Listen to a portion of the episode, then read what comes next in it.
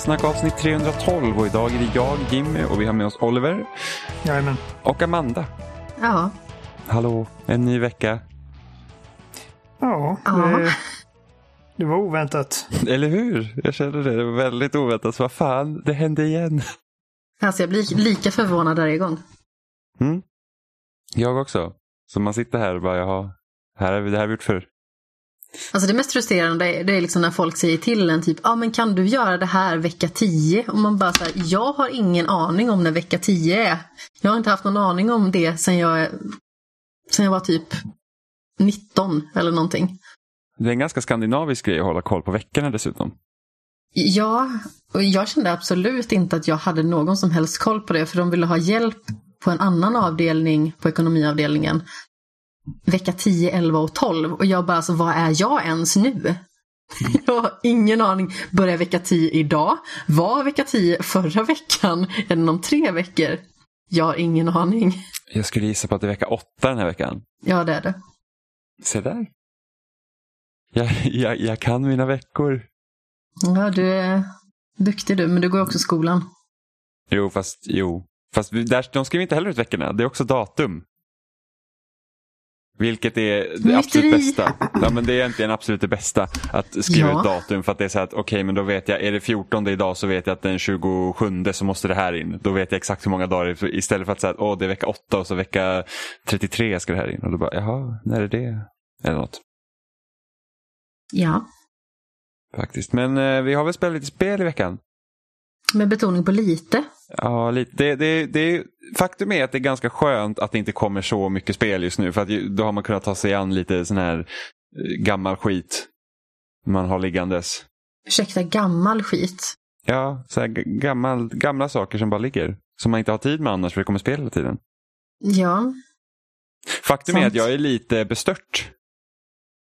För att jag, jag bestört, det var så dramatiskt jag låter. Så här är det.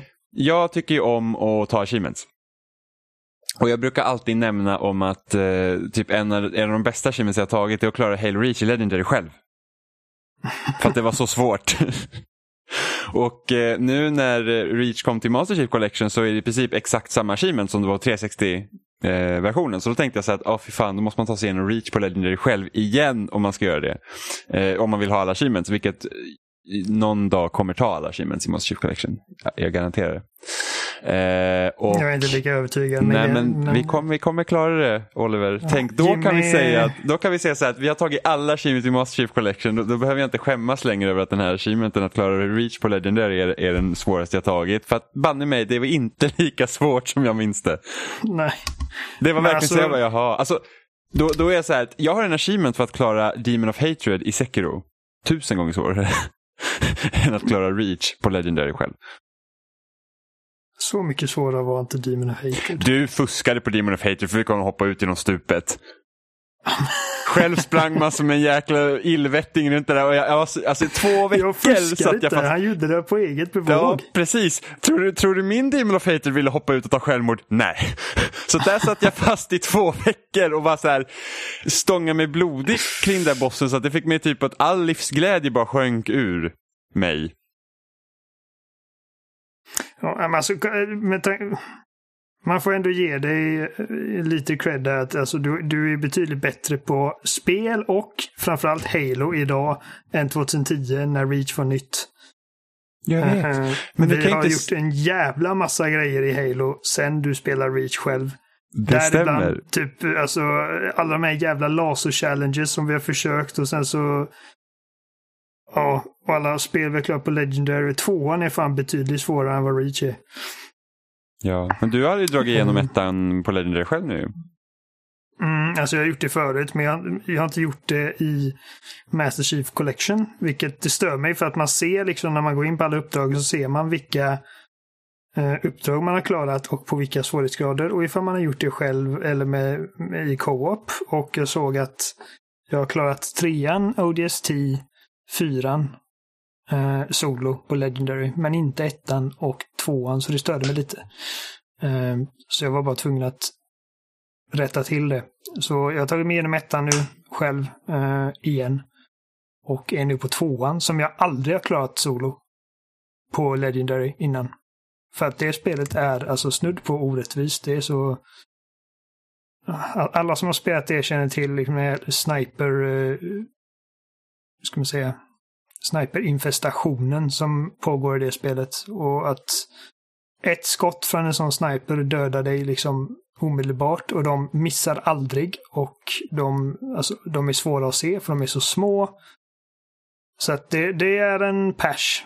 Men jag ska nog ta mig igenom. Jag är, jag är ganska nervös för uppdraget som heter uh, High Charity. För då startar man mitt i en jävla... Alltså mitt i smeten med massa brutes och uh, grunts och det enda man har är typ uh, needlers och det är liksom... Ja. Det, men, men det, värsta, det, värsta med snipersen i tvåan också är att om du ser det lilla lyset på håll och om du tvekar då vet du att du är död. Ja, ja. Det är verkligen så bara, är det en sniper? Sen, ja, det var en sniper. Och det, är liksom, det kan hända att man inte tvekar om man träffar, men eh, man bara har en battle rifle som inte är jätteprecis på 300 meters avstånd och sen så eh, är det kört för att de, de tar liksom en kula i skallen som en jävla champ och sen så skjuter de dig. Mm. Man blir nästan provocerad när fienderna tål för mycket. Så när man liksom ja. laddar, när man typ stackar en elit i reach på Legendary och så dör de inte. Och man bara, Nej, du tog en granat i nyllet. Ja. Varför har ni inte den skölden till alla ert infanteri? Ni hade ju liksom klarat er eh, utomordentligt i det här kriget. Eller hur? Ni hade vunnit. Ja. Utan tvekan. Nej. Så att, eh, alltså jag, jag, spelar egentligen bara Halo och det är bara en annan grej som jag ens startat. Jag har spelat eh, Siege med Robin och Emma och Gustav och eh, Adam och Johan också. Innan Johan, Johan hoppade ut så Adam fick ta hans plats. Hela gänget. Hur ja. är Siege nu? Alltså jag har inte säkert spelat Siege på nästan ett år tror jag. De har gjort en del. Alltså jag, får, jag, måste, jag måste kommenda Ubisoft för att de fortfarande arbetar med det spelet och bara gör det liksom vassare och vassare. Och det känns som att det är liksom ett levande spel. Utan att för den sakens skull bli en sån grej som typ som Destiny, där det känns som att ifall man är borta från det spelet i ett år och kommer tillbaka så är liksom, då är, då är man helt lost liksom. Alltså när jag startar Destiny nu så har jag ingen aning om vad som händer. Ehm, så är det inte riktigt här. Ehm, de har gjort några grejer, exempelvis nu kan man inför varje match så får eh, båda lagen rösta fram eh, varsin attacker och varsin defender att banna. Så under matchen får man inte använda den här. Ehm, det är lite så att det ofta blir liksom samma man bannar. Alltså vi, vi, vi eh, gör nästan alltid per automatik att man bannar eh, jag kommer inte ihåg vad han heter, eh, men han som kan tracka ens fotspår. Ja. Som jag gillar att spela. Så att jag får aldrig spela honom längre för att vi bannar bort honom. Mm. Men, men är, måste man fortfarande låsa upp operators? Ja. Även origin nej, originalen hade de låst upp för alla som köper. Ja, nej, ja. alltså det är då nya operators som man får. Ja, ja men precis. Nej, men jag tänkte bara jobbigt om du så här så, så, som Siege fungerade förut så var det att du kunde bara köra Rookie och sen så behövde du låsa upp de resterande. Jobbigt om man säger den man mm. har låst upp den blir alltid bannad. man var okej. Okay. Nej precis, det, ja, men så funkar det. Och man kan också rösta på att inte banna någon. Ja, okay. uh, det har aldrig hänt. Men det är väl bara ja. om man kör rankat va? Du, alltså nu, jag, jag vet inte om vi körde rankat nu senast. Så jag, vet, jag vet i alla fall att Robin och Gustav brukar bara köra rankat.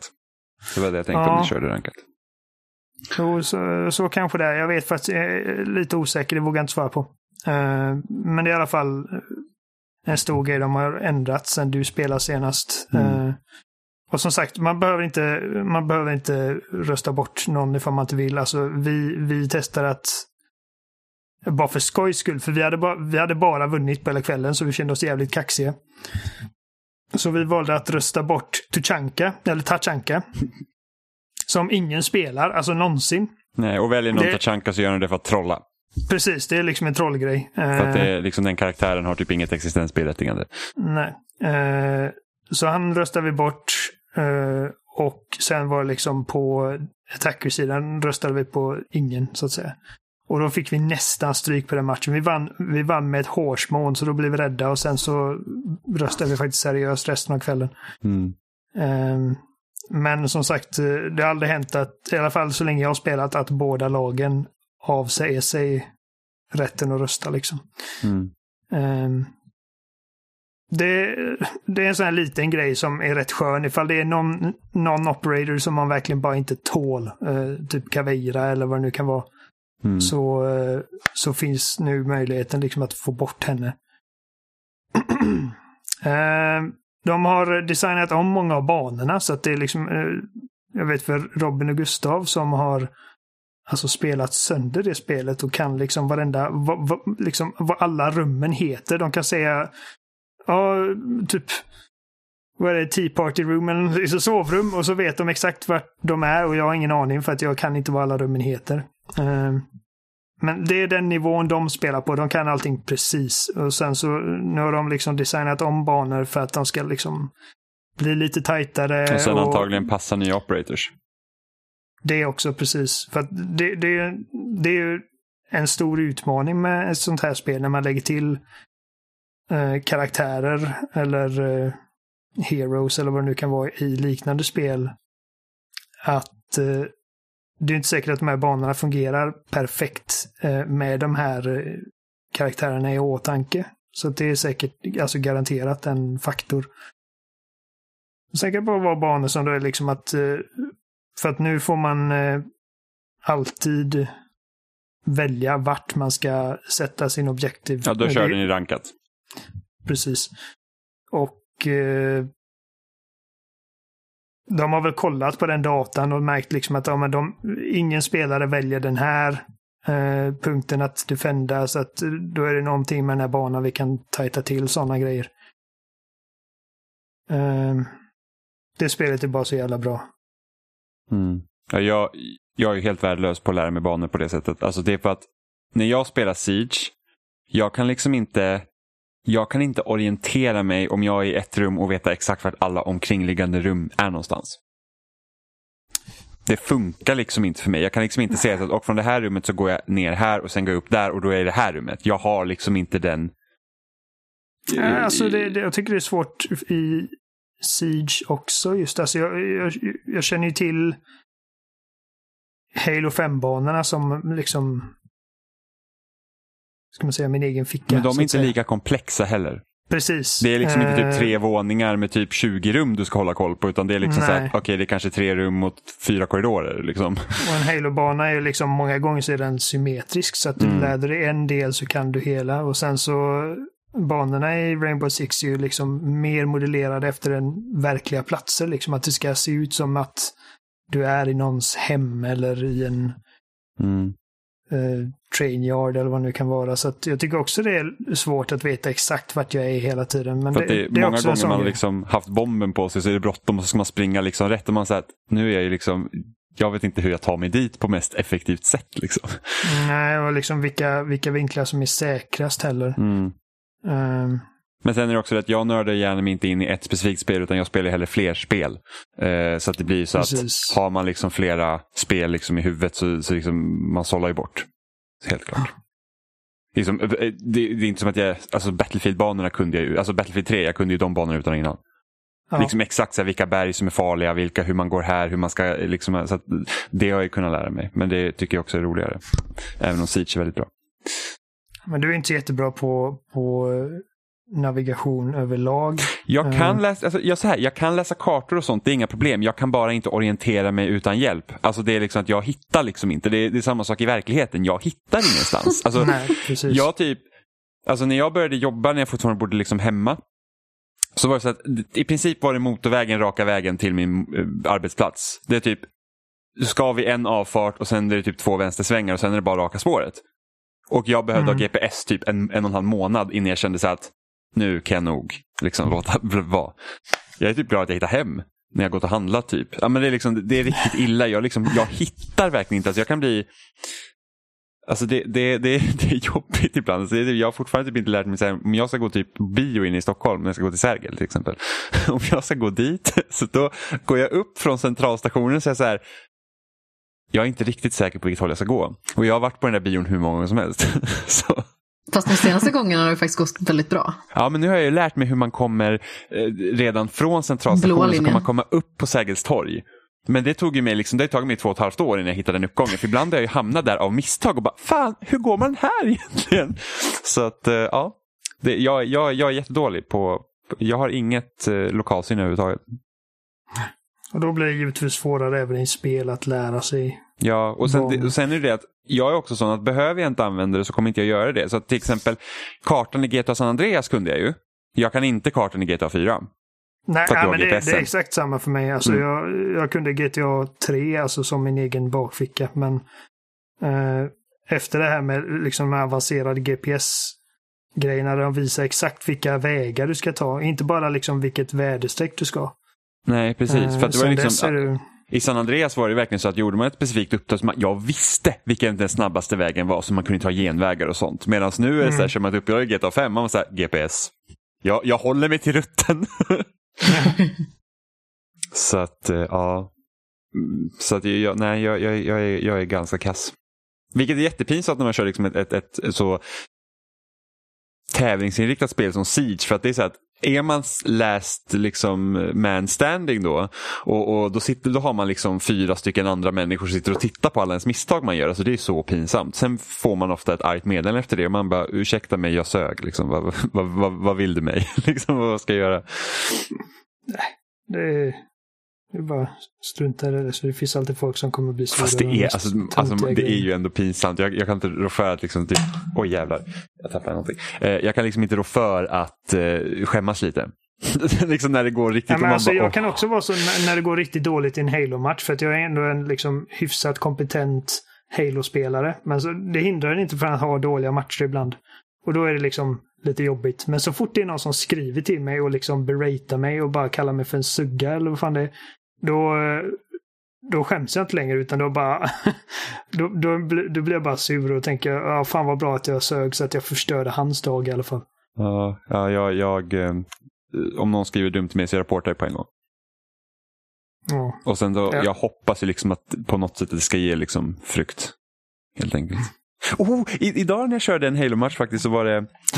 Ja, men det, var, det var så kul för att det var en kille som... Det är så sällan man hör folk som har mikrofonen på nu för tiden. För de flesta sitter i party. Men så var det en kille som hade mikrofonen jag tänkte, åh nej, ska han spela musik eller någonting sånt som många gör av någon anledning. Men jag tänkte, ja men jag låter honom på. Och han pratade hela matchen. Han bara, oh guys, it's going really good.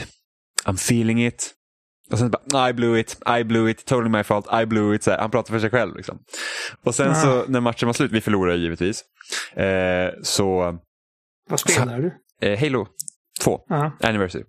Eh, och så, så, jag kanske inte sa det, eh, men i alla fall, så sen när vi Sen när matchen var slut och vi förlorade och innan man får se liksom scoreboarden då så han bara, ah, alltså jag dödade inte så många, men jag, jag dog absolut minst i laget. Jag är hur säker Jag dog minst i laget, alltså jag dog inte så mycket. Jag, jag kanske hade 9-6 eller något så här. Jag är helt säker. Det var ni andra som dog liksom. Och sen så hade han ju dött mest av alla. Man var så här, ja, bra liksom self-awareness. Fast han, han, han, var inte så här typ att, och han bara, åh, jag dog så mycket, jag hade ingen aning. Typ. Det, var, det var lite kul. Alltså jag tycker i allmänhet att det kan vara ganska så jobbigt när folk sitter och kollar på när jag spelar. För jag tycker att jag känner mig så dålig i relation till alla andra. Alltså man, blir, alltså man, man blir mycket sämre ibland. Alltså det värsta jag vet är när man går på så här pressevent och ska testa spel. Och sen så kommer den här som håller eventet och ska kolla och titta när man spelar. För jag är så att jag kan ju få göra fel för att jag är liksom inte så uppmärksam på tutorial-meddelanden. Någonting. man tänker sig jag spelar spel, jag kan. Och sen så bara oj då. liksom, vad, vad gör jag nu? Eh, och då vill, jag vill inte ha att någon kommer in och säger gör så här. För att ett, jag kanske, jag kanske gick åt fel håll med vilje. Eller två, jag liksom, det här är mitt sätt att lära mig. Så när jag testade Resident Evil 2 så, så kom man in så går man upp för en, något ställe och så får man lite cutscene och sen så placeras man som karaktär då inte på exakt samma ställe där man slutade. Men du är ändå inom samma område. Och då, så precis som jag sa tidigare, jag har jättedålig lokalsinne. Så jag gick åt fel håll. Och då kommer den här människan som håller i det här och liksom börjar tillrättavisa mig. Och inte bara det, först då skäms man lite för att och det är lite pinsamt faktiskt. Men samtidigt så att låt mig bara liksom, jag hade ju märkt att jag hade gått fel till slut. Och det var inte som att det var bråttom att jag hade liksom inte mycket tid på mig kvar att spela utan det var ändå så här en och en halv timme kvar av sessionen. Så det var gott om tid. Så, så, sånt kan störa mig. Jag tycker inte om när, när folk liksom tittar på det sättet. Utan låt, låt mig vara. Ja, men Alltså, precis. Det var samma sak när jag var i London och skulle spela Elder Scrolls Online Elsewhere. Det var också lite jobbigt för att jag hade aldrig testat alltså, ett spel i den serien överhuvudtaget tidigare. Eh, plus att det var en som stod liksom så här med armarna i kors och observerade med huvudet lite på sned så. Medan jag spelade och man bara så här, kan inte du bara gå och kolla på någon annan som spelar? Just Ja, nu. ja men det är man måste, och speciellt, alltså, det var ändå tur att Resident Evil 2, för det är en shooter. Jag kan shooters liksom. Men det värsta Ja. var när, när jag spelade Devil May Cry 5. Jag är groteskt dålig på de spelen. Och det är så här, att jag dog på bossen liksom hur enkelt som helst. Och var så här, snälla kom inte och titta på mig nu för att det går så dåligt. Det skönaste är när man spelar Smash ändå, för då är det så kaotiskt så ingen märker hur dålig man är. så när, man blir till, när man blir tillrättavisad av den här PR-personen som kommer säger gör så här istället så ska man bara resa sig upp och bara oh, 101 Halo, huh? huh? Running on me, Det var-. Ja, det var jättevanligt på 360. Det var så här typ, alltså på den tiden när man faktiskt högg tillbaka när folk skrev dumma saker till en för att man, man var liten. Liksom. Eh, och då var det alltså oh, 101, uh, 101. Som att liksom att men nej, jag kommer inte köra one-on-one. Om du utmanar mig, du är uppenbarligen bättre än vad jag är. vad fan ska jag möta dig för liksom? På pressevent och sånt så har jag inget problem med folk kollar. Då. Alltså det kan ju vara värdefullt för dem, men de vill ju se hur man spelar deras spel. Jo, men tillrättavisa Eh. mig inte då. Tillrättavisa ska man inte göra. Alltså det, låt mig spela. Ifall jag frågar så svara. Ja. Men liksom, säg inte åt mig hur jag ska spela. Jag håller med. Det är samma sak när man går in i en tom butik och de bara, hej, behöver du hjälp med någonting? Och man bara, nej. Det är Låt typ så här, jag har varit här inne här en sekund. Ja, Jag kanske bara kollar lite grann. Ja, jag hade ju en, när jag var inne i en klädbutik en gång så var det liksom, alltså han sträckte sig typ över provrummet och gav tummen upp när jag hade en tröja på mig. Jag var så här bara, okej, det, här liksom, det här är fan private space. Jag byter om och testar kläder här inne så jag gick ut därifrån och köpte ingenting. Det Syntes du över själva provhytten? Jo, det gjorde är säkert, men man lång. kollar inte in i provhytten. Jag skojade bara. Jag Man försökte vara gör inte retfull. sånt. Nej, jag vet. Men det var samma sak, tror jag att det var kanske på Lindex eller någon så här underklädesbutik och jag skulle köpa en ny bh och så öppnar jag liksom eh, biträdet och bara så här, går det bra? Och man bara så här, ja, jag står bara här med de onda tvillingarna i vädret men det är helt lugnt. Men gud, man kan inte... Kolla Alltså, på bara. man har ju skynket för av en anledning. Ja, liksom så här, hej, ropar jag på hjälp, då får du god. Då, då får du liksom öppna om du vill. Men... Ah, Ja, nej, det, det är väldigt märkligt faktiskt. Men visst Oliver, du fick inte spela Uncharted 4 när du åkte till Rom, eller Italien. Vart, vart testade du det? Vi har säkert bettat det. Men, Nej, alltså, jag tror inte att du var med i podden vid det här tillfället. Nej, men jag... jag ja. Eh, 2016. Eh, vi bara fick i redaktionsforumet på GR vid den tiden att eh, vi ska skicka iväg någon till Rom för att spela och recensera Uncharted 4. Och jag brukar inte gå på de här grejerna, särskilt inte för att jag behöver flyga någonstans. Jag gillar inte att resa, jag gillar inte flygplatser, jag gillar inte trängseln, jag gillar inte att flyga. Människan är inte designad för att flyga, vi hör inte hemma i luften. Så varenda gång jag sätter mig på ett plan så är jag övertygad om att det här är liksom gången jag kraschar. Och jag har, jag har alltid liksom en så här typ, ska man säga, en back and forth i skallen. Liksom bara, ja men alltså hon, eh, hon, hon, den här, eh, vad fan heter det, flygvärdinnan, det här är hennes jobb, hon flyger hela tiden. Det är liksom, varför skulle detta hända mig? Och sen så kommer den andra rösten och bara, men de som faktiskt kraschar, de hade också flygvärdinnor. Ja, skitsamma.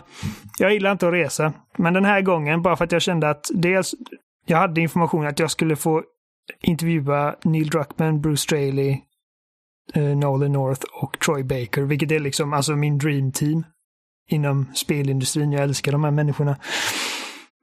Uh, så jag bara, och jag såg givetvis väldigt mycket framåt Uncharted 4 och så sa jag okej, vi, vi kör. Och så eh, åkte vi iväg. Eh, eh, innan vi åkte iväg fick jag reda på att eh, det kommer bara vara, du kommer få spela i, vad är det, en timme? Under hela vistelsen. Och då frågade jag eh, PR-personen, eller kontaktpersonen, Amalie, som var jättetrevlig. Hon var, hon var awesome. Uh, men jag frågade henne, alltså, jag kanske har missuppfattat det. Jag visste inte att detta var liksom ett preview-event. Jag trodde vi skulle få recensera spelet. För jag hade ju pratat med folk då som har varit på sådana resor, liksom, där de blåser in sig på ett hotellrum och beställer room service och bara spelar i två dygn. Liksom. Det kan jag göra tänkte jag. Det, det, det är min comfort zone, att spela i två dygn och dricka cola. Uh, jo, men det är review-event. Det är bara att uh, ni kommer få spela en liten del av det här och sen så kommer ni få med er spelet hem. Så jag bara, uh, okej, okay, ja. Och då var det alltså massa aktiviteter baserade liksom på uh, Uncharted. Så vi åkte dit, Klättring. jag och Per Willner. Vad sa du? Klättring. Ja, faktiskt. Va? Är det sant? Ja. Jag skojade. Jag och Per Willner, vi delade flyg från Stockholm. Och vilken, vilken hårt arbetande människa. Jag tror inte jag såg han en enda gång under den här resan utan sin laptop i knät. Uh, den konstpausen liksom... där blev ganska rolig. Jag tror inte jag såg honom en enda gång under hela resan.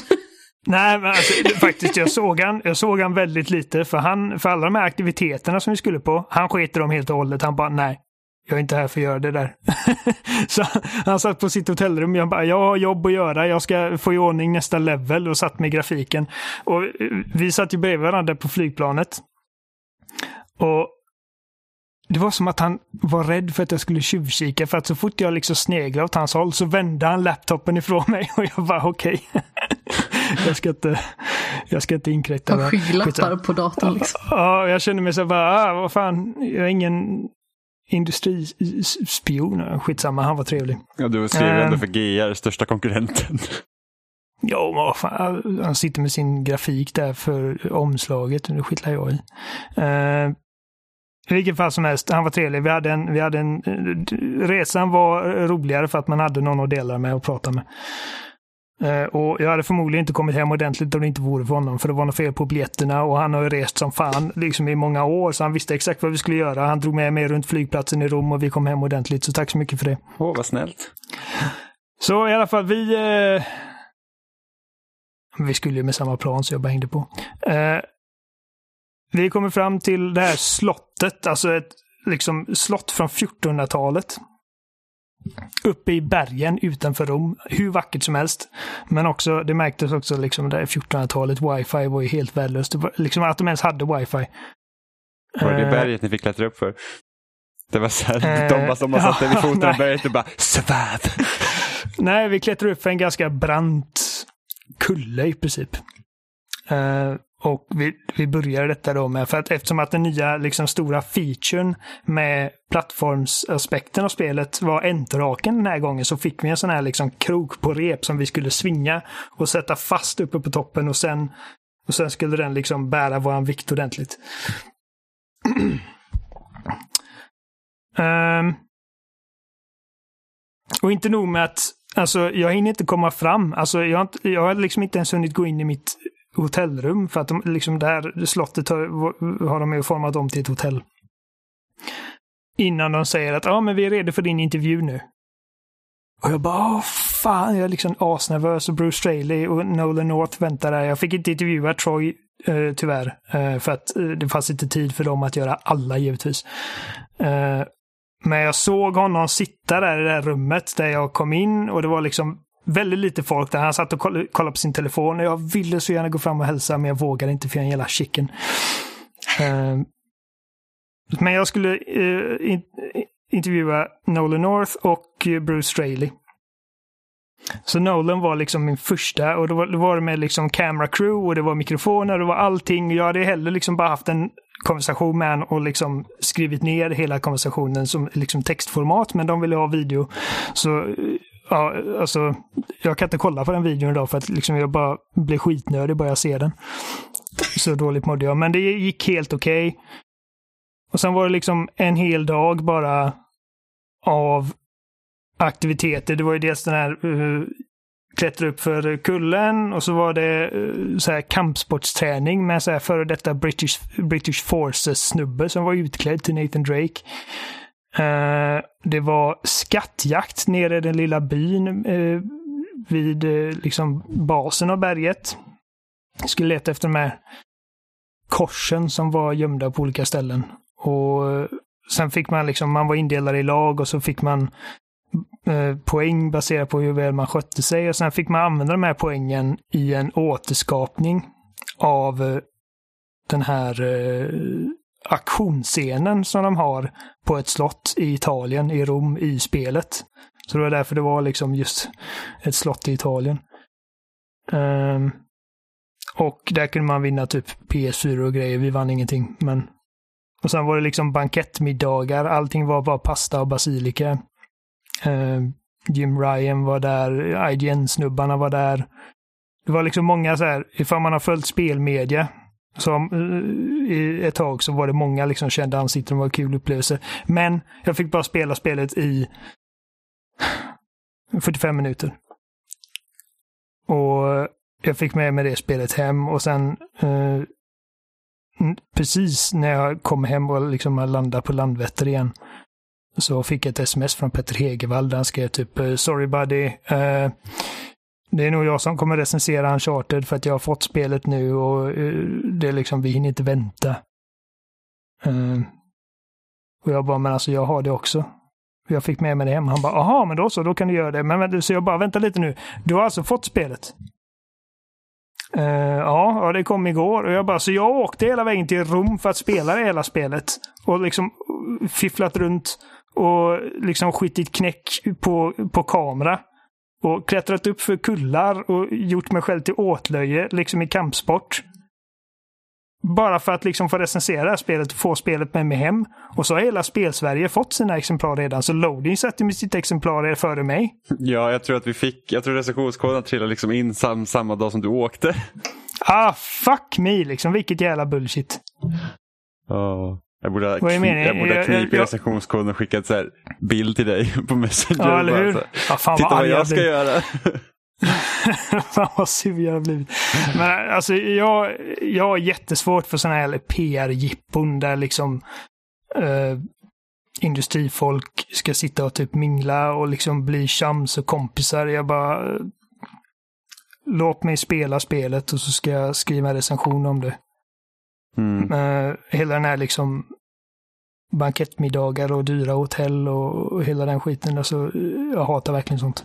Ja men det är lite så här när man går på sådana här pressevent också så får man ju så goodiebags och sådana grejer. Man säger bara så jag är ju här för att jobba.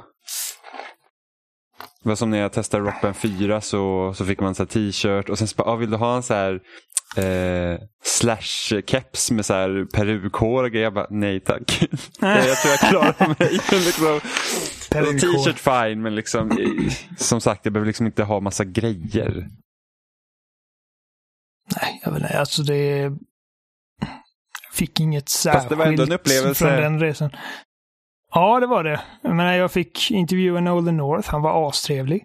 Mm. Uh, alltså verkligen hur skön som helst. Och uh, vi fick en, så här, första, vi var ju där två nätter tror jag, har jag för mig. Och uh, morgonen på den andra dagen där så fick vi en jätteintressant genomgång av Bruce Straley och, och Nolan och Troy av liksom utvecklingen och ja, det var en kul insikt. Liksom. Ja, men det, det det är nice. Det är, sådana grejer är nice. Mm. Det är väl kanske skattjakten och det du hade klarat utan. Ja, det hade jag definitivt klarat mig utan. Det är ändå ja, alla, häftigt alla att åka till Rom liksom för en sån sak. menar, Jenny brukar slänga det i ansiktet på mig. Du, du har varit i Rom. Jag bara, alltså jag såg flygplatsen i Rom. Uh, och ett slott. Och ett slott. Uh, slottet var fint. Um, och som sagt, jag ångrar inte att jag åkte. Liksom, det, det var en upplevelse uh, att träffa alla dessa coola människor. Uh, och även liksom träffa nya människor. Jag menar, alla, jag, alla jag kom i kontakt med var väldigt trevliga och de gjorde liksom vistelsen roligare än vad den hade kunnat bli. Så... Eh, nej, det var, det var det var kul. Det var bara synd att eh, Neil Druckmann stannar hemma för att han var rädd för så här, terrorskjutningar och grejer. Uh, det var mycket sånt just runt den tiden så han bara, jag vet inte fan. Han hade typ frågat Bruce, bara, är det okej okay ifall jag stannar hemma? uh, det var kul att träffa honom också, men, uh, men det var nice. en grej, alltså jag, jag minns det här för att jag stod uppe på, eh, alltså hur beskriver man ens de olika liksom arkitekturella delarna av ett slott? Det var typ som en terrass med en utsikt över hela området. Liksom Mm. Man såg eh, alla de här bergen och slotten och, och byn nedanför och så ser jag liksom på avstånd hur det går ut två snubbar med liksom AK47 från ett hus. Långt där nere och jag bara... Jag borde ha gjort som. Neil. Jag borde ha gjort som Neil. Eller hur? Men det var väl 2016 som det här terrordådet i Bryssel var va? Precis innan. Jag tror Ja, det jag, va? tror, jag tror det. Hade, varit- det hade hänt någonting i alla fall i, i anslutning till. Mm. Ja, terrordådet i, var det Nice? Det var ju när jag var i Frankrike, bara några mil bort. Ja, fy fan. Ja, men det, det, är läskigt. Liksom, det var en orolig tid. Och så ser de här två snubbarna med liksom, uh, alltså, karbiner i princip. Och det är, så, det är en replik, jag vet inte om ni har sett den engelska, eller eh, ska man säga, eh, amerikanska versionen av eh, Män som hatar kvinnor med Daniel Craig och Rooney Mara. Nej.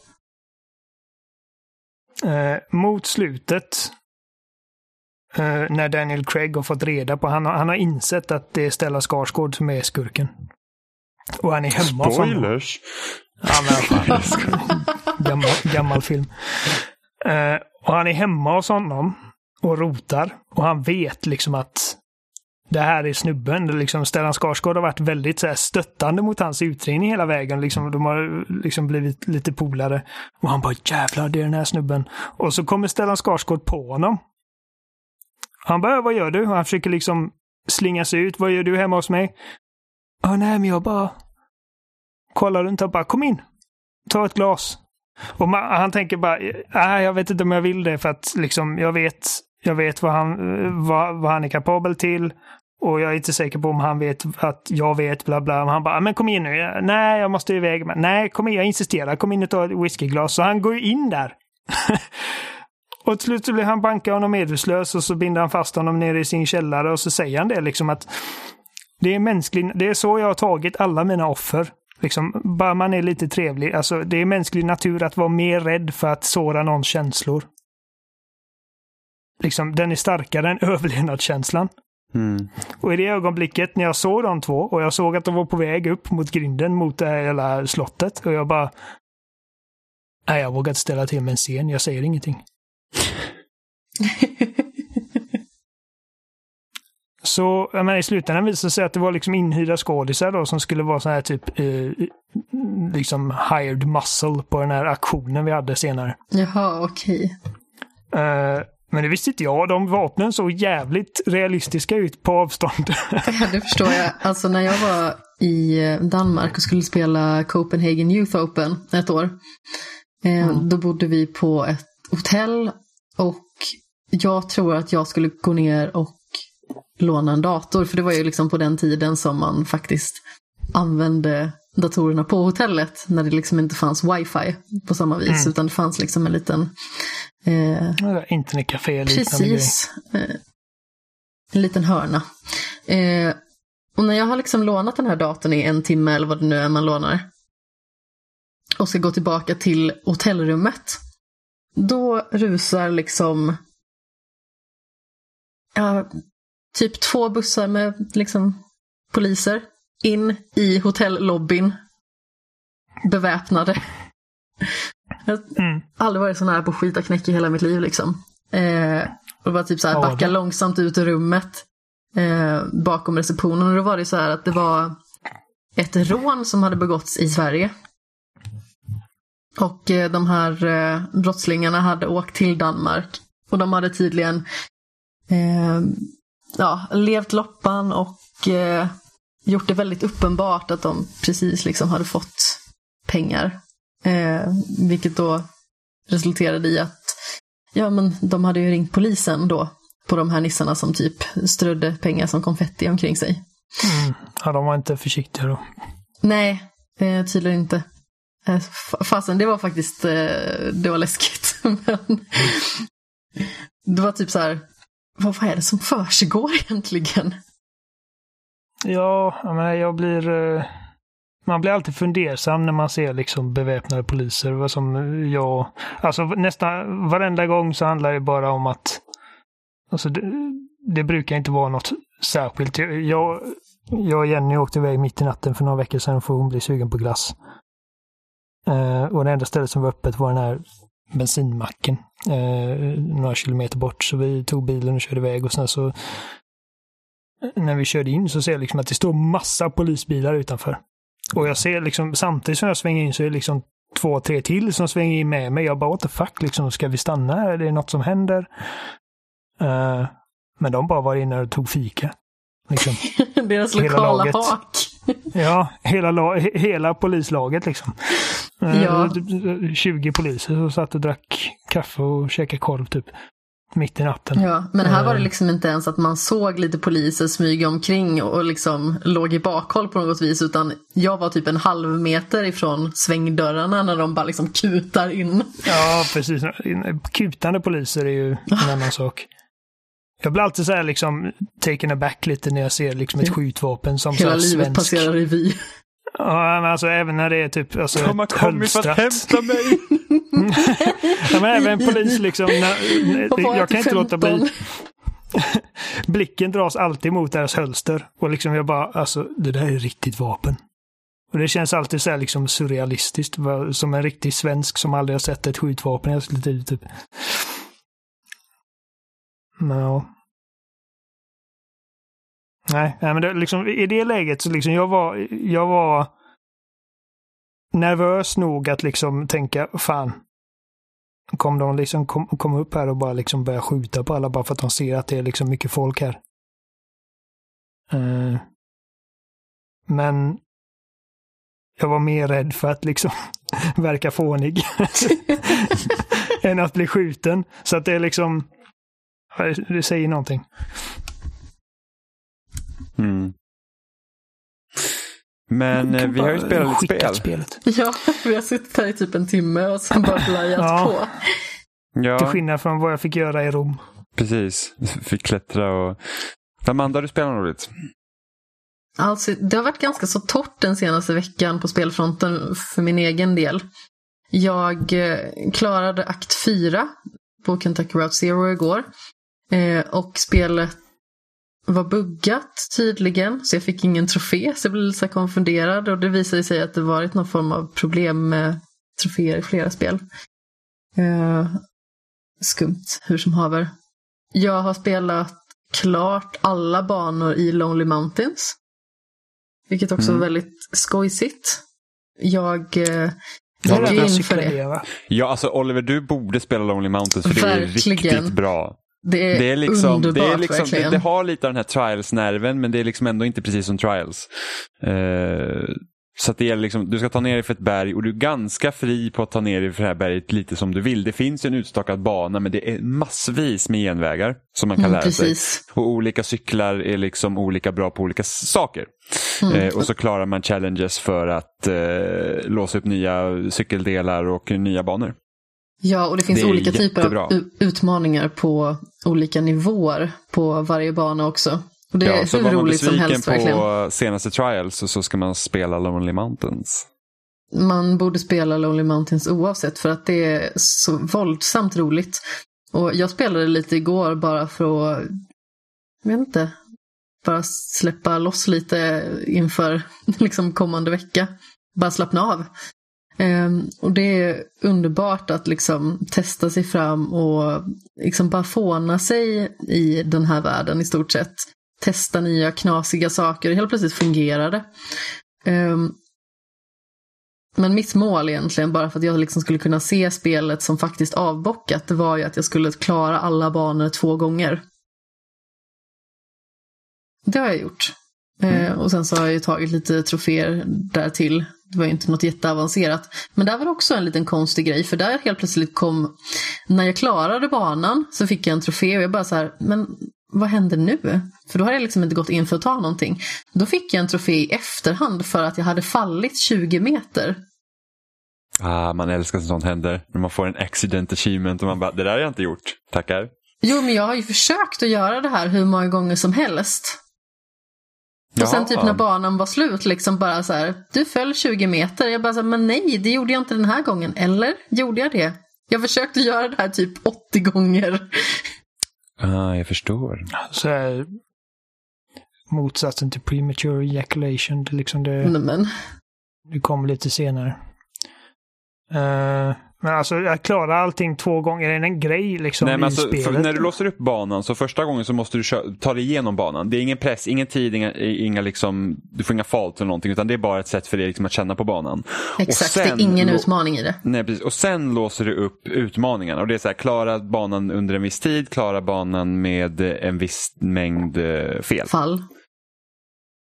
Så att, eh, för jag, jag tror när jag recenserade det här spelet i höstas och då skrev jag liksom det att jag hade gärna sett att även om man kanske inte visar liksom tid och eh, sånt första gången jag kör, liksom att det är väldigt laid back så hade jag ändå klarat någon challenge så hade jag gärna velat att den skulle bli ibockad.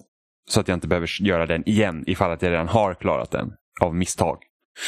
Eh, men eh, alltså, det borde inte hålla dig tillbaka från att spela det för att det, det, det är grymt. Ja, alltså det känns ju ändå inte som en plåga att behöva köra banan en gång till. Utan det är så här, ja men nu lallar jag ner här för det här berget, jag får testa på den här banan. Det är fina miljöer, det är fyra stycken olika liksom, platser som man håller till på. Och alla har sin specifika grej. Ehm, det är superhärligt, verkligen. Eh, och sen så får man de här utmaningarna som man kan testa. Och jag tycker ju att det är väldigt roligt, i synnerhet att testa det här med fall.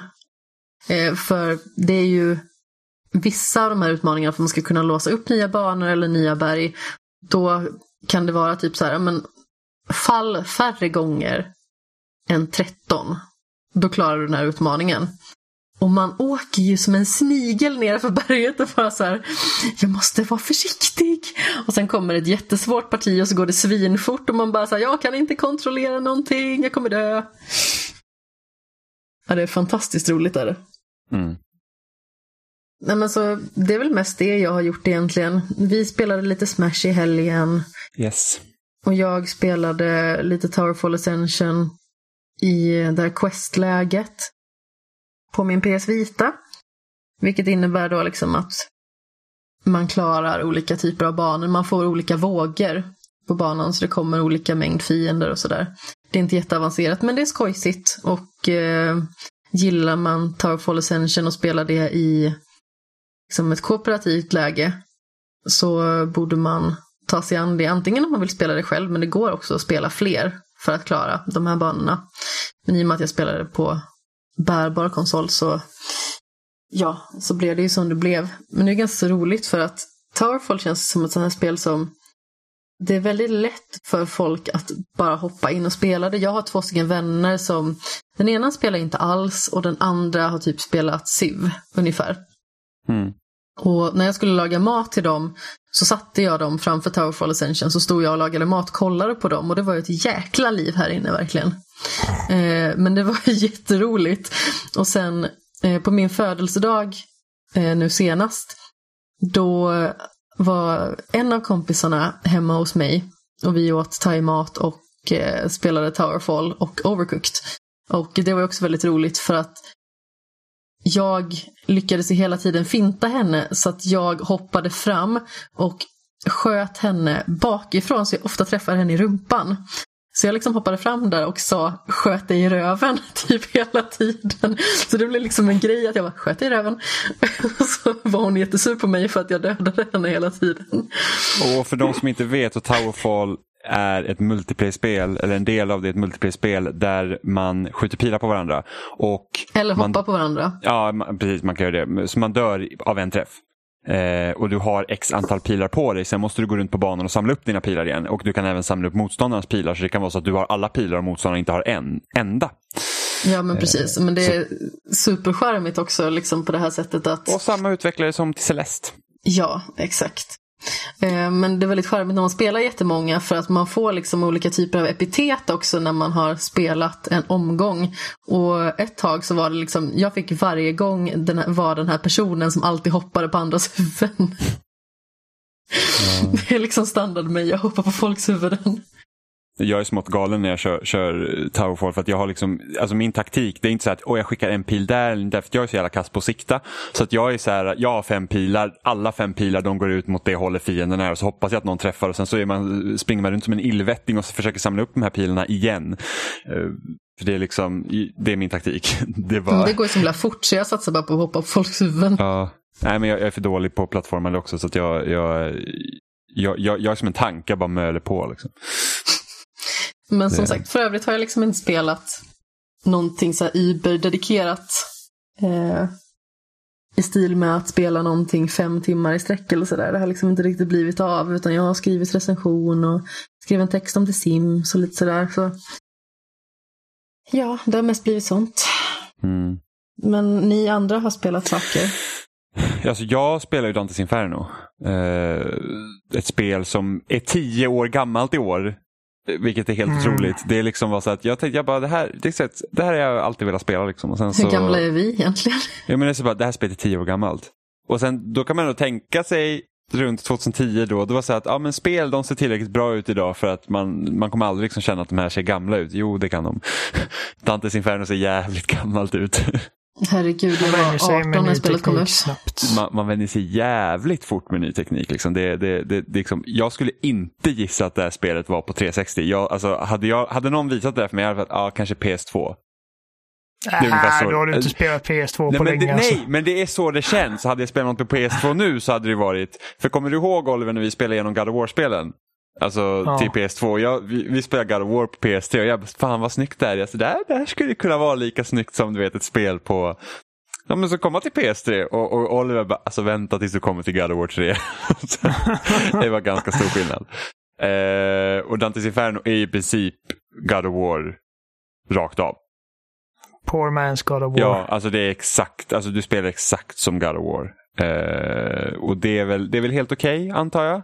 Det är väl typ sådana här störiga grejer som typ fienderna som typ helt plötsligt ignorerar att du slår på dem så de slår igenom det och lite sådana grejer. Och som sagt, jag är inte bra på så här knappkombinationsspel och sådana grejer så att uh, ibland blir det extra frustrerande. Uh, men jag tror det här är ganska simpelt knappkombinationsspel. Jo, jag vet. Men precis, att jag, jag tar ju mig igenom det utan problem. så, Men ändå, det är liksom inte... Alltså, jag är ju rent generellt sett dålig på den här typen av spel. Eh, och alltså, alltså, som spel, jag tycker det var högst mediokert. Det är liksom så att det är väl det är lite småkul att springa runt men allt är verkligen brunt för att man, det baseras ju på den gudomliga komedin. Eh, så att du spelar ju som Dante då. Fast du är inte poet i det här fallet, du är liksom en, en, en riktig krigare. Vilket i och för sig, jag tror Dante också var soldat på riktigt till viss del. Och sen, men liksom, det är inte det vad den gudomliga komedin handlar om sen utan han, han liksom är en poet som går ner till helvetet och här är du en krigare som ska liksom lämna allting och det är ju verkligen Alltså man ser ju verkligen God of War-influenserna. Det ska ju liksom vara så här Alltså det går för gårdens skull. Där känner jag väl ändå att Kratos del i det hela är att det makes more sense för att han är bara jävligt arg. Om man går liksom från första spelet när han liksom ska eh, hämnas eh, sin döda familj. Med, medans i, i Dantes Inferno är det bara så att ja, men vi kan göra så här så nu får du typ klyva den här fienden på mitten och det bara sprutar massa grejer. Eh, och sen, alltså det, premissen är ju lite mer avancerad än Jo, jo precis. Men det är, liksom, men det är inte som att du, du går inte ner i helvetet för liksom att I'm gonna fuck shit up. Liksom. Du går ju ner dit för att rädda den, liksom Elisabeth som, som är din fru. Mm. Liksom. Eh, som är där på grund av att du har varit otrogen fast du lovar att det inte var det. Så, oh. och, det och det måste jag ändå säga, jag tror det är den största kritiken jag har mot spelet. att, att, att Kvinnoporträtteringen är alltså horribel. Alltså den, den är verkligen liksom så här. Alltså det är till och med så att man bara så här okej, okay, det här är liksom Ja, det är inte bra på något sätt. För det är liksom så här, du har, det är ganska kul för vi pratade här i skolan under veckan också. Vi har gått igenom så olika texter från Bibeln och så här att hur, eller olika texter från Bibeln. Det kom upp i ett seminarium där vi liksom pratade om Bibeln. Det är så att, ja men vi gick igenom de åtta budorden, nej tio budorden och så var vi på budord åtta att man inte får bära falsk vittnesbörd. Eh, och då var det någon historia om Abraham när han låtsas att hans fru är hans syster för att för att åh, min fru är så vacker så skulle de veta att du var min fru så skulle de döda mig. Eh, och då blir hon då blir hon tillfångatagen av en annan man som sätter henne i hans harem. Så hon blir utnyttjad där och då är det han som tog henne då som blir straffad. Inte för att han tog henne utan för att han har legat med någon annans hustru. Eh, och då är det så här att okej, okay, Abraham blir inte straffad fast han ljög. Eh, den här eh, människan som satte eh, den här frugan då i sitt harem, han blir straffad för att han lägger med hans hustru. Ja, och sen hon, den här kvinnan då, hon blir ju straffad oavsett. Hon har inte haft någon del egentligen i det här men hon blir straffad för att män är rövhål. Och ungefär så är Dantes Inferno. Det är liksom varenda karaktär. Så alltså då har vi Dante som är viktig, Dantes pappa som är viktig och Dantes Eh, nu ska vi se. Frus bror. mamma är med lite grann också va? Ja, jag kommer, jag kommer inte ihåg exakt vad hennes del var. Men de, de, de... Eh, alltså hon tog, bara, hon tog livet av sig när han var väldigt liten. Just Så det. hon är liksom i violence-cirkeln Precis, och hon tog livet av sig på grund av att pappan hade gjort någonting. Så, så ja, att, pappan var ett riktigt svin Precis, också. riktigt svin. Och det är liksom att så de använder kvinnor i spelet är ju det för att män gör misstag och kvinnor får betala för priset men vi ska ändå sympatisera med männen. Ungefär så går det till. Eh, och då är liksom, alltså det är bara jävligt osmakligt helt enkelt. Och sen så, ja, och sen så är det lite så här, lite sexuell fixering kring Elisabeth och så man, man har gärna henne naken lite här och var. Och liksom, det, det är lite den här destroyed beauty-grejen. Härliga tider. Ja, men typ åh, hon får ett svärd rakt genom bröstet och då såklart så har hon bara typ ett nattlinne på sig så den viks ju ut och sen ja, ser man saker. Ja, det var, det var ju sånt här jag inte alls resonerade över när jag var 20 och spelade detta spelet. Nej, men och det är så att jag hade förmodligen inte heller tänkt så mycket på alltså mer än så att åh vad onödigt, men liksom nu har jag ju studerat i fyra år på universitetet och, där går, och eftersom jag läser humaniora-ämnen så går man igenom sådana här saker hela tiden. Och då blir det så här, man bara, ah, jag förstår. Det, här är liksom, det, det är alldeles hemskt faktiskt, dåligt, hur det är i det här spelet. Ja, alltså Dante, han har inte bara varit otro mot sin fru. Han har ju typ mördat och horat. Och, jo, jag vet, men det är liksom... Det, men det, det är liksom, ja. huvudpremissen är att hon, djävulen tar ju hennes själ för att det löftet de hade till varandra bröts av Dante.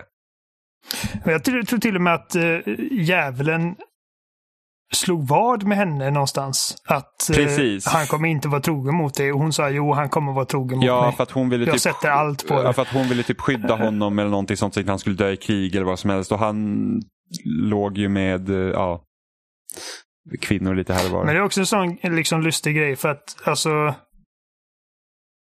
innan Innan jag spelade om det här spelet när det blev, det var ju gratis på Xbox Live. Mm, det var så jag också Då körde jag också igenom spelade. det.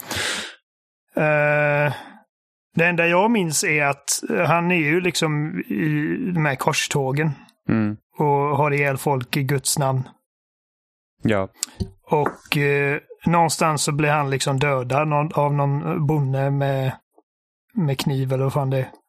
Ja, och, det får och så man, kommer ju... och det får man inte, man, man, man får inte reda på att han faktiskt är död förrän i slutet.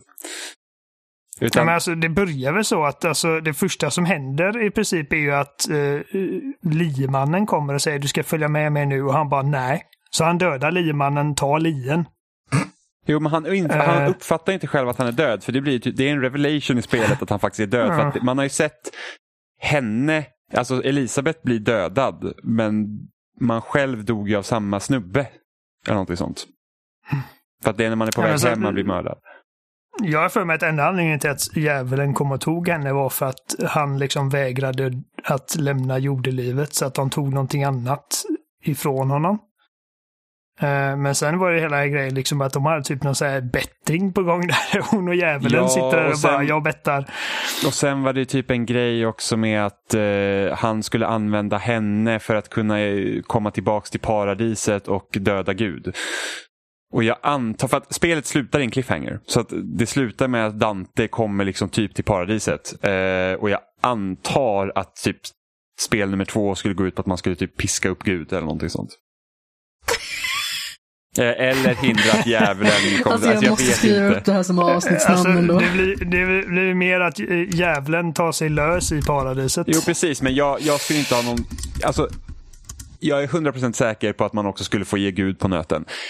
Enda anledningen till att man kanske inte skulle göra det då för att USA är lite känsligare kring det här än vad vi är kanske. Men, men alltså, jag tror nog att det skulle, jag, jag tror att man hade fucked things up helt och hållet. För att det är typ, för att när man kommer upp till paradiset sen så eh, drar, Dante har ju ett kors som är typ insytt på hans bröst. Så tar han av det och slänger det på marken och då blir det till en orm som jag antar är djävulen. Eh, så att ja, och det, det, ja, men det, det, det, det, är märk, det, det är en märklig tolkning av, eh, av den gudomliga komedin om man säger så. Eh, och det känns väldigt typiskt för liksom eh, senare 2000-talet, början av 2010-talet, liksom dark and gritty spel. Det var den här typen av spel man gjorde väldigt edgy. Så jag känner och att- Visceral Games var ju väldigt inne på det här liksom att, eh, att marknadsföra sina spel som fruktansvärt offen, liksom offensiv grejer. Jag tror det var väl någon ja, reklamvideo för 2. Dead Space 2 där Ja. de visar massa gore-scener för gamla tanter Ja, och sen grejer. Och bara de din bara, mamma kommer hata att du spelar det här. typ. ja, Men Och sen typ gick de utanför typ E3. Ja, ja, det var, det var liksom jättelarvigt. Eh, men och det var det, typ någonting med liksom ofödda foster och eh, eller odöpta spädbarn. ja, någonting sånt. För att första cirkeln, typ limbo.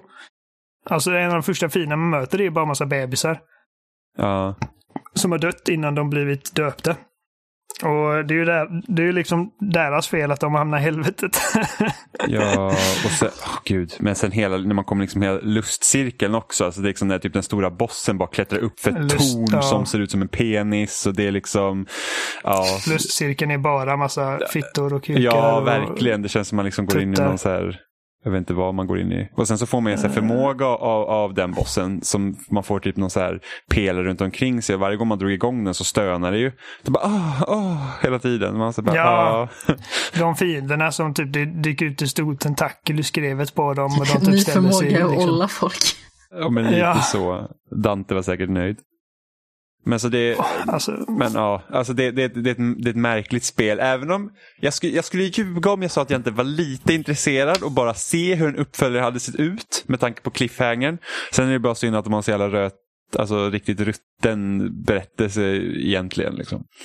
Eh, högst eh, problematiskt. Ja, det låter så. Ja, jag tycker fortfarande liksom alltså som, som ett spel man kan ladda ner gratis. Bara sex timmar, bara kötta saker. Det är helt okej. jo, absolut. Alltså, det var inte så att, alltså, det var fine. Liksom, att, att spela det var fine. Sen så de andra... Enda delen jag verkligen hatar med spelet är den här liksom utmanings... Ja, eh, eller tio. typ den åttonde cirkeln ja, eller vad fan det är. gud. det, alltså, det kändes ju bara som att göra det längre. Mm. Det, det var verkligen så att hmm, vi kan fylla ut det här med en timme. Och nu ska du döda alla de här fienderna eh, genom att bara göra luftattacker och skit. Och man bara... Ja, det är ungefär så här helvetet ser ut. Det här är liksom den bokstavliga representationen av helvetet. Bara massa liksom absurda krav och tv-spels-challenges. Ja, ja när man, skulle, man ska också vara i luften 10 sekunder. Ja, Och jag var så här- precis. Så då fick jag lära mig att ah, men använder du en Y så kan, stannar du längre i luften när du slår ner på fienden. Jag var så här, jaha, här har jag spelat hela Mm. spelet och visste inte om det. Bra. Ja. Det är Alltså, det jag tycker har åldrats sämst med det spelet är bara liksom det estetiken. Att, eh, alltså jag förstår liksom att de har en väldigt säregen, alltså deras, deras vision av hur helvetet ser ut eh, är väldigt liksom enhetlig. Ja. För att det är väldigt brunt och väldigt så- allt är deprimerande. och det är brunt, liksom deprimerande massa... och jag tror största problemet är att fienderna också är bruna så att ibland smälter de in lite väl i vissa bakgrunder. Ja, Och det finns liksom massa, man klättrar liksom på typ hundratals liksom förlorade själar som sitter fast i väggarna och liksom försöker grabba dig och eh, liksom och, och det är inte bara det liksom att det ser väldigt brunt ut. Jag tror att det värsta för mig är bara liksom det ljudmässiga. Det är alltid folk som skriker i våndor och plågar liksom för att det är helvetet. det, är liksom, all, all, det är bara sånt jävla liv. Och musiken är väldigt, liksom, väldigt körbaserad så att det är liksom skrik från det hållet också. Och, ja, Men du sitter också och spelar med hörlurar mestadels av tiden. jo. Ja, det gjorde inte jag så då blir det mer Eh, påtagligt. En annan kul grej med spelet är att man liksom genom spelets gång träffar på sådana här typ förlorade själar som sitter och gråter. Och så får man läsa deras backstory om varför de är där. Sen får man möjligheten då att antingen straffa dem genom att hugga huvudet av dem eller vad fan det är. Eller absolva, liksom alltså, Alltså, an- man- förlösa dem. Alltså, antingen så genom att alltså, bestraffar man dem så skickar man dem djupare ner i helvetet och eh, frigör man dem så liksom, då friar man dem. Man skickar upp dem till Ja, då paradiset. kommer de till himlen. Eh, och, det att, Eh. och det fanns ett, ska man göra så att de kommer till himlen så är det ett minigame som var så himla tråkigt. Eh, så man ska liksom, det kommer typ sån här, det kommer då ens eh, synder som man ska liksom tycka, det, det är som ett rytmbaserat minigame liksom nästan. Så man, man, ja, man bara trycker, på, knapparna. A, X, Y och... Precis, och sen så när man kommer in en bit i, in i spelet, alltså man får, man får extra själar då för att göra detta så att man kan köpa attacker. Eh, så man får mer sånt när man, gör, när, man, när man frigör dem. Och sen så när man kommer en bit in i spelet då får man så här auto-absolv så att, så att den gör det själv. Och jag tänkte, ja, gud vad skönt, då slipper jag köra det här minigamet och kan fortfarande få massa själar. Nej, det fick man inte. Så det var ju helt onödigt dig att ta bare auto-absolv. minimum. Ja, så jag var så här, Eh. faktiskt, skit. Sen är det också baserat på, liksom, för att det finns liksom två olika skill trees. En för eh, liksom gudomlig kraft antar jag och sen helvetisk kraft för att eh, du får liksom onda poäng. De uppgraderar du din lie med, alltså så du får nya attacker, vilket är ganska viktigt i ett sånt här spel. Mm. Och de goda poängen då som man får när man skickar dem till himlen, de kan man uppgradera sitt kors med. Mm, som är typ magi och nästan. korset är liksom, eh, det, ja, Nästan, magi eller nästan. Man har magiska det går attacker inte på magimätaren, Nej, men, alltså men det, det, det, är typ... det är hans range-attacker i princip. Ja. Han slänger kors på fiender. Ja. Eh, så att alltså oftast, det, det handlar inte så mycket om att det är liksom någon sorts moralisk... För det första, Dante är inte i stånd att döma någon. Nej, jag förstår liksom inte vad han har, varför han har den kraften ens. Nej, nej, eller hur? Eh, för han märker ju ganska tidigt liksom för att eh, han, blir förvånad när han bara vad fan ska jag till helvetet för? Jag har ju krigat i Guds namn liksom. Och prästerna försäkrar oss om att vi gjorde liksom Guds vilja och bla bla. Eh, och så att det visar sig liksom, det är ju bara liksom mänskligt, eh, mänsklig greed som har stått för hans krigande hela livet som det ofta gör. Eh, men alltså det, det tar ju bort den här liksom grejen att man granskar en mä- människa, typ som att ah, han mördade sin fru för att hon eh, tittade på en man eller vad fan det var. Mm. Eh, eftersom att i det läget för mig handlar det bara om vilk, vilken typ av erfarenhetspoäng vill jag ha just nu. Ja, men precis. Så det är liksom, det, det är ett helt det är ett helt onödigt system egentligen att lägga till någon moralisk värdegrund i det överhuvudtaget.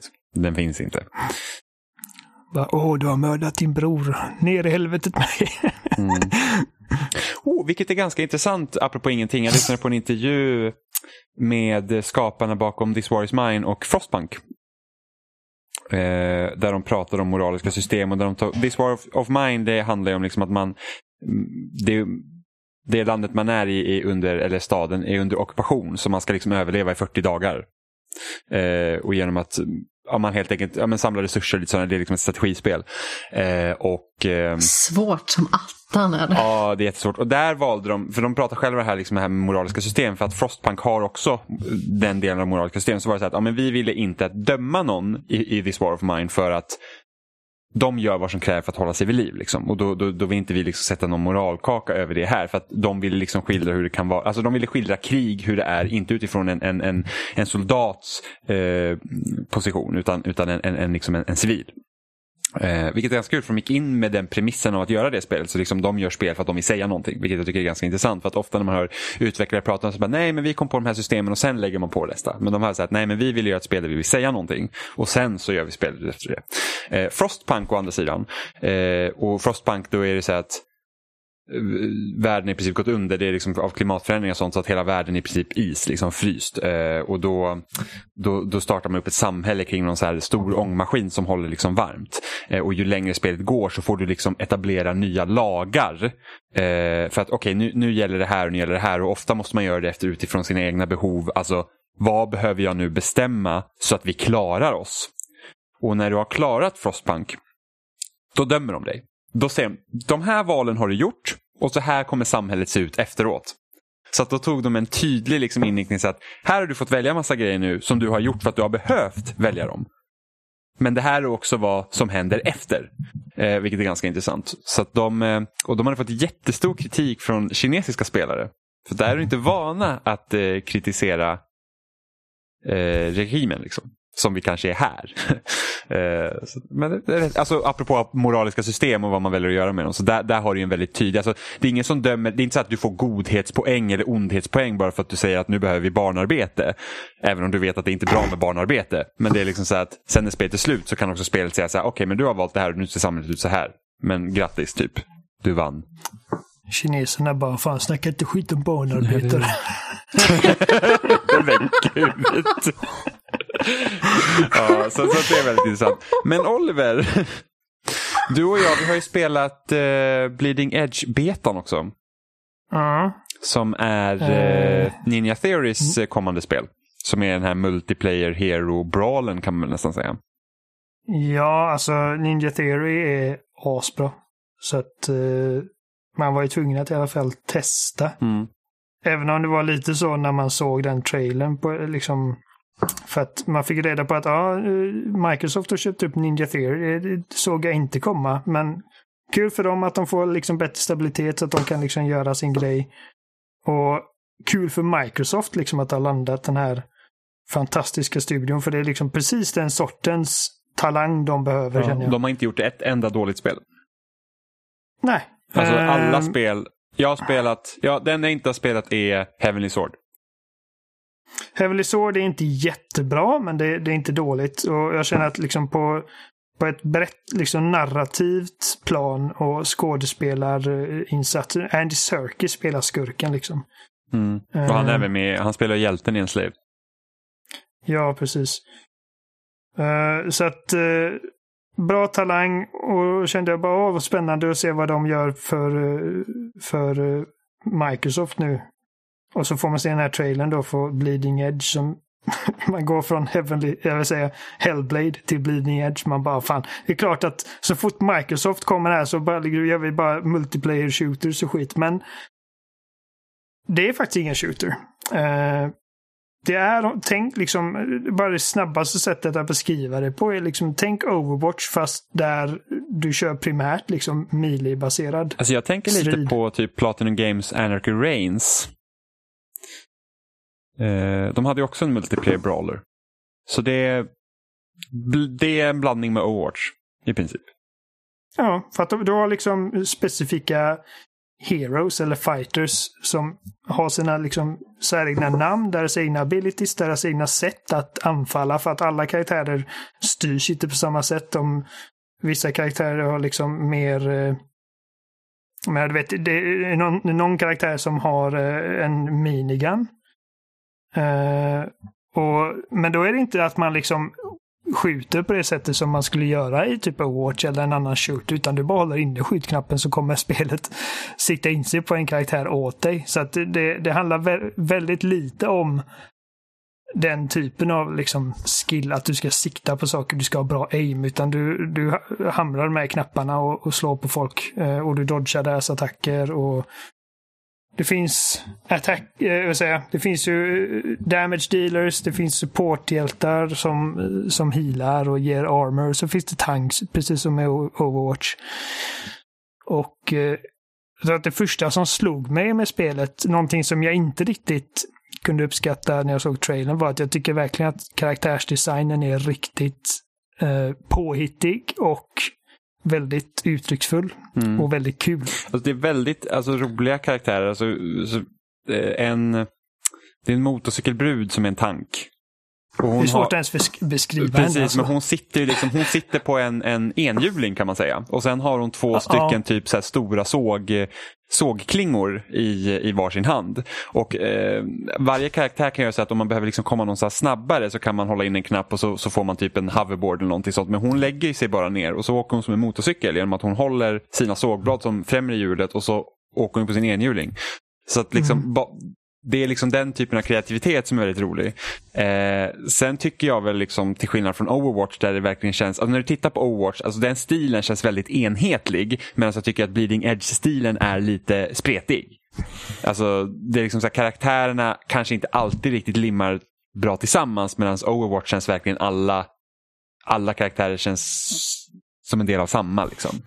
Eh, om du förstår vad jag menar. Mer enhetlighet. Ja, Mm. alltså eh, jag håller med dig att Overwatch eh, gör det där bättre, men eh, jag skulle inte säga att... För att alla är väldigt liksom karik karikatyrartade. De är väldigt liksom cartoony allihopa. Ja, det är ingen som är lik varandra heller så det är aldrig någon tvekan om vem du möter. Nej. eh, men jag gillar snubben som går runt med en elgitarr. Han är en sån riktig liksom black metal. Han är Robin. Ja, precis. Jag tänkte på Robin så här- direkt. Så här corpse paint och en jättestor, liksom, alltså ingen vanlig elgitarr utan det är liksom en yxa med gitarrsträngar på som han håller som en gitarr. Och så använder han den som ett milivapen liksom. Mm. Och så typ Eh. headbangar han och glider fram på knäna när man dodgar och grejer Ja, som en, precis. liksom en eh, sådana rockare. power slides. Ja, så det är ganska Så kul. alla karaktärerna har liksom en väldigt säregen stil och de är som sagt de är väldigt ut- uttrycksfulla. Eh, jag vet att den kar- karaktären du, du gillar minst, jag, kom, nu, jag kommer inte ihåg vad någon av de här karaktärerna heter, men det, det är healern som sitter, sitter i princip i en... En hover, hover, hovercraft typ. Ja, alltså det, det är inte en bräda utan det är liksom en rund grej. Alltså, det är som en Eh. liten svävarfarkost liksom han sitter i. Ja, och han sitter där, alltså han, han håller på med de här reglagen och grejer ungefär som att det är hans liksom gaminghörna. Han har en monitor och liksom plötsligt så kommer det fram en ratt när man kommer fram, liksom trycker in som eh, man håller inne höger på D-paden och så får karaktären vad det nu är för version av snabbare sätt att ta sig runt på. Eh, jag, eh, alltså det är tydligt att att spela två, tre matcher och detta kommer liksom inte ge någon jättebra överblick på ifall det liksom är någonting som kommer hålla i längden eller, in, eller inte. Ja, alltså, största fördelen är att det är inte som allt annat. Det, det, är, liksom, det är ingen shooter. Eh, det är ingen shooter. Men det är också Eh, ett, ett av dess största problem för att det är väldigt rörigt när, all, när det är så många karaktärer som är så nära varandra. Precis. Eftersom att det är liksom ett primärt eh, då liksom ett melee-baserat spel. Precis som, alltså, som man skulle förvänta sig av den här studion som gör den typen av actionspel. Hellblade, Heavenly Sword, Heavenly Sword eh, DMC, Devil May Cry. Och även Hellblade. Eh, jag sa Hellblade. Jaha, jag hörde inte. eh, jag hörde bara... Enslaved. Alltså de, de gör liksom eh, sådana här eh, character action games, hack and slash-spel, vad man nu vill kalla det. Så, men det är precis som du säger, det resulterar ju också i att eh, man vill ju closea in på, på sin motståndare för att det är så man skadar varandra. Och då är liksom när båda lagen håller sig till varandra som man ska göra och alla är på varandra, det blir en enda röra av grejer. Um, det är, som sagt, det, det är typ kombos och du, du har liksom din dodge-knapp som du ska använda för att ta dig ut ur någons eh, attackmönster. Eh, den kan du bara göra ett par, par gånger innan den måste laddas upp. Och sen har man ju abilities som är liksom mappade till olika knappar som R, B, Y och B tror jag har olika. Precis, vissa karaktärer kan lägga ut små liksom eh, turrets som eh, skjuter på folk. Vissa kan lägga ut eh, ett eh, healingfält. Mm. Så det är liksom Ehm, buffs, debuffs och lite olika gadgets. Så att det, är en väldigt, det, det, alltså det är en väldigt rolig idé. mm. Jag tycker att det är lite Jag känner- långsamt. Ja, alltså, jag, jag känner att det har potential. Jag gillar designen. Eh, Det, det var det jag trodde skulle, jag skulle ha svårast för med tanke på hur konstnärliga deras föregående spel har varit. Och nu blir det liksom nästan så här Sunset Overwatch punkrockarhållet. Mm. Eh, men, jag, men jag tycker det funkar för att karaktärerna är så, de, har- de har charm. Sa du Och, Sunset eh, Overwatch? Det gjorde jag kanske. Jaha, men jag trodde du bara, jag trodde, jag trodde du bara liksom satt, satte ihop typ Sunset Overdrive och Overwatch men du orkade inte säga Sunset Overdrive så att du bara sa Sunset Overwatch. Nej, jag tänkte Sunset Overdrive. ja, jag tänkte jag bara, ja, Sunset Overdrive, eller Overwatch. men alltså, det, um, Ja, nej, nej, Sunset Overdrive. Uh, liksom det är lite åt det hållet. Um, Mm. Så eh, jag gillar karaktärsdesignen och jag känner att det har liksom potential eftersom att det är ett spel, ett multiplayer-spel som inte är en shooter. Och eh, jag tror att det kommer få en snabb liksom spelarbas tidigt eftersom att det kommer finnas på Game Pass. Att det finns liksom, det är ingen ekonomisk barriär att ta sig över. Alla kan testa det sen när det släpps. Sen är frågan Så hur bra de är. Game Pass. Precis.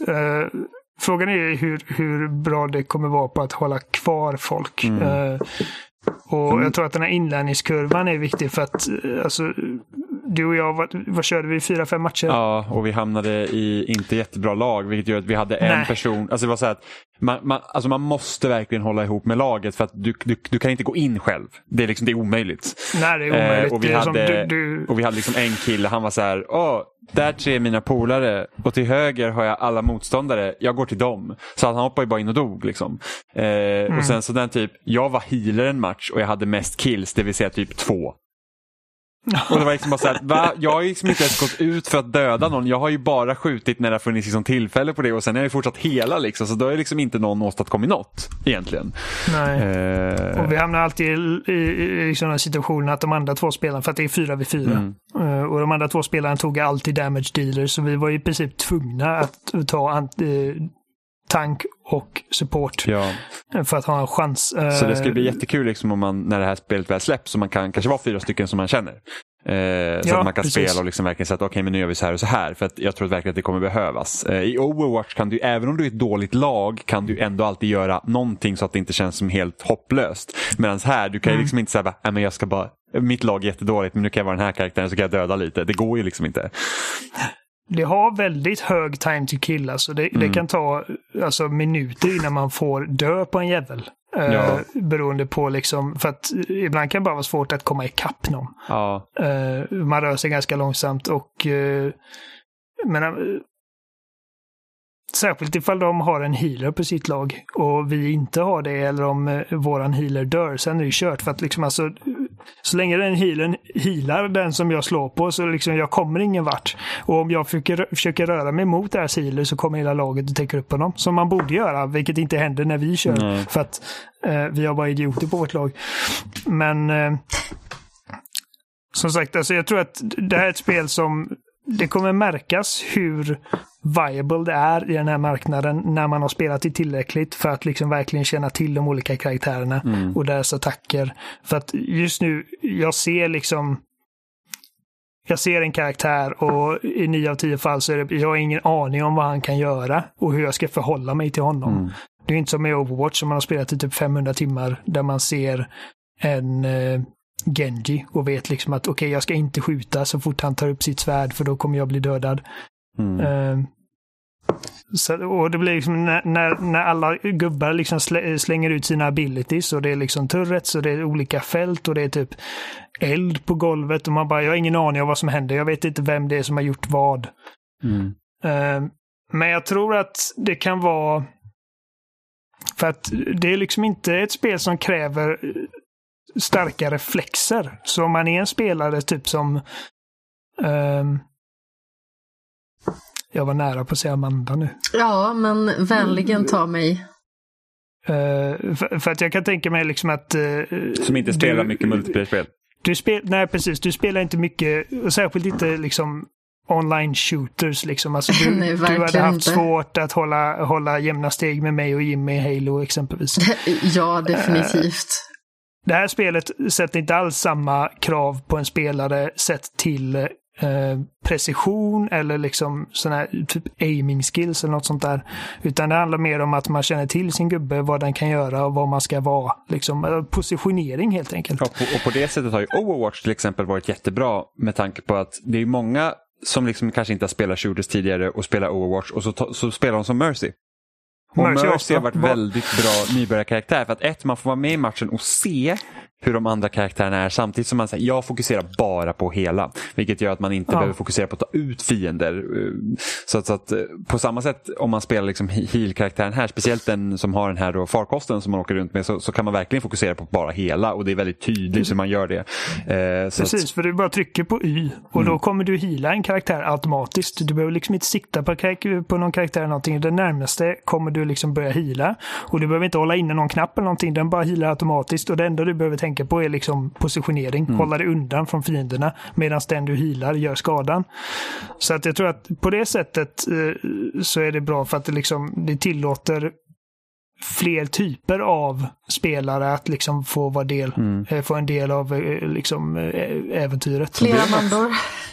Och det var ändå något som Battlefield Bad Company 2 gjorde också jättebra för där kunde du verkligen gå in för din roll.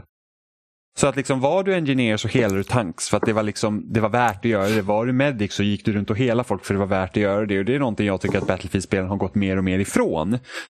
Mm. För att liksom, alltså nu, alltså speciellt fyran, ettan och egentligen femman också, att de, det spelar liksom egentligen inte så stor roll vilken klass du är. Det är så här att, ja, vill jag kunna hela folk vill jag typ kunna slänga ammo. Annars är det så att det här vapnet ska jag, så ska jag bara döda så mycket som möjligt. Särskilt eftersom att eh, man i senare Battlefield-spel kan hila sin egen tank utan att gå ur tanken. Precis, och eh, Eh. ja. Så att det har gjort att engineer-rollen tycker jag är kraftigt slaktad i, i de senare Battlefield-spelen Ja, ja. mot vad den var. För att det, alltså, ju mer man... Engineer-rollen, eh, det finns ingen klass som heter Engineer i Battlefield 5. just det, det kommer jag inte säga ihåg. Men alltså, ju mer, alltså, jag tycker att de borde mer pusha för att dina klasser har dedikerade roller än att du kanske kan vara den här klassen men du kan göra lite vad du vill. Mm.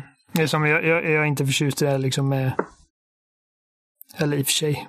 Recon betyder ju inte sniper. Jag tänkte precis säga att jag är inte förtjust att snipern kan bara plötsligt börja använda en shotgun. Men... Nej, det funkar inte. För Recon är inte nödvändigtvis en sniper. Nej, men du skulle kunna ha en Ehm. recon-klass och en sniper-klass egentligen. Så du har en recon-klass Ja. som är mer close quarters och ska vara långt fram och gömma sig långt fram för att kunna liksom ta reda på intel. Och sen kan du ha sniper längre bak som sniper. Då. Nej, men så, nej. eh, det är... Amanda, du hade kunnat hoppa in i det spelet och liksom ha kul. Eh, Vad kul för mig. Ja, eh, alltså, jag låter som en douche när jag säger det. men Nej, det gör du liksom inte. att Det är du, ingen fara. du, du, du, du har inte spelat jättemycket liksom den här typ, typen av eh, liksom competitive uh, multiplayer-spel. Nej, det har jag Eh. absolut inte gjort och jag spelar liksom helst i fred. Det ska vi ändra på. Mm. Vi fick Emma att krypa genom Battlefield. Nu är hon helt galen. Eller? Alltså det var Ja, skitkul jag när vi började vet. spela Battlefield 4 med Emma. Så här, vi bara, men det är jättekul, liksom, vara med och spela. Och så, så kan man liksom krypa och allt så här. Så att, så, alltså, vi startade på en bana och någon råkade slänga en granat. Emma gallskriker och slänger sig ner på marken och kryper fram. Man bara, men alltså, du kan komma med här. liksom, det är lugnt.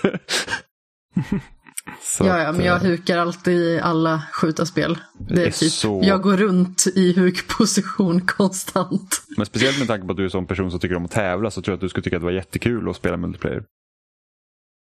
Ja. Det är därför jag, alltså det är därför jag kör online mycket. Jag, jag älskar att tävla, jag tycker det är skitkul. Sen så kommer man till punkter där man säger att jag bara orkar inte ha press på mig. Ge mig typ Animal Crossing. Låt Stardew mig prata Valley. med, ja, men låt mig prata med typ djurmänniskor och så här. Låt mig fiska. Ge mig en present. Det är liksom det är allt jag orkar med just nu. Faktiskt. Eh, Nej, alltså det är uh, Bleeding Edge, ja, eh, det har potential. Men det är liksom, det är sådana grejer typ som dålig nätkod kan verkligen fucka upp det eftersom att det är liksom eh, mer fokus på eh, närstrider. Och det är liksom, det är inte lika avancerat i, rent mekaniskt som ett Devil May Cry eller någonting. För att det hade, det hade inte gått i, med åtta spelare. Eh, men eh, det finns exempelvis en parry-knapp liksom. Som, ifall du tajmar den korrekt när någon slår dig så ska du kunna parera. Jag lyckades aldrig göra det riktigt. Eh, så nätkoden måste vara liksom impeccable för att ett sånt spel ska fungera så bra som möjligt. mm. Och... eh, Ja, Det var lite laggigt igår. Ja. Och det är väldigt rörigt. Men det är alltså vi, vi... Jag känner mig inte bekväm med att uttala mig varken bu eller bä om det här spelet förrän jag har spelat det. Dels då med ett fullt lag så vi faktiskt kan kommunicera och liksom spela strategiskt.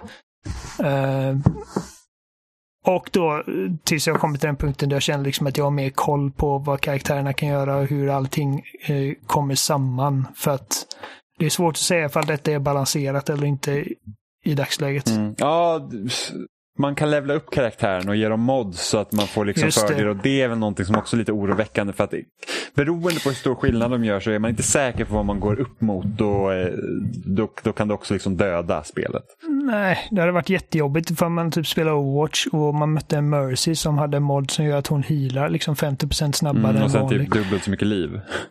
Ja, eh, det, det är inte nice. Nej. Eh, För då kommer, det- för det. då kommer det bli så att de som spelar mest kommer också ha fördelar. Och det, då blir det liksom Ja. så här, mhm,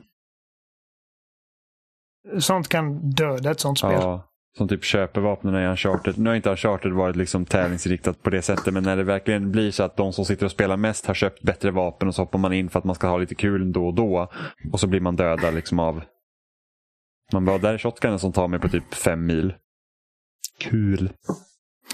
Ja, men, alltså jag, jag vill gilla spelet för att jag gillar verkligen studion. Och det är annorlunda från andra spel av den här typen.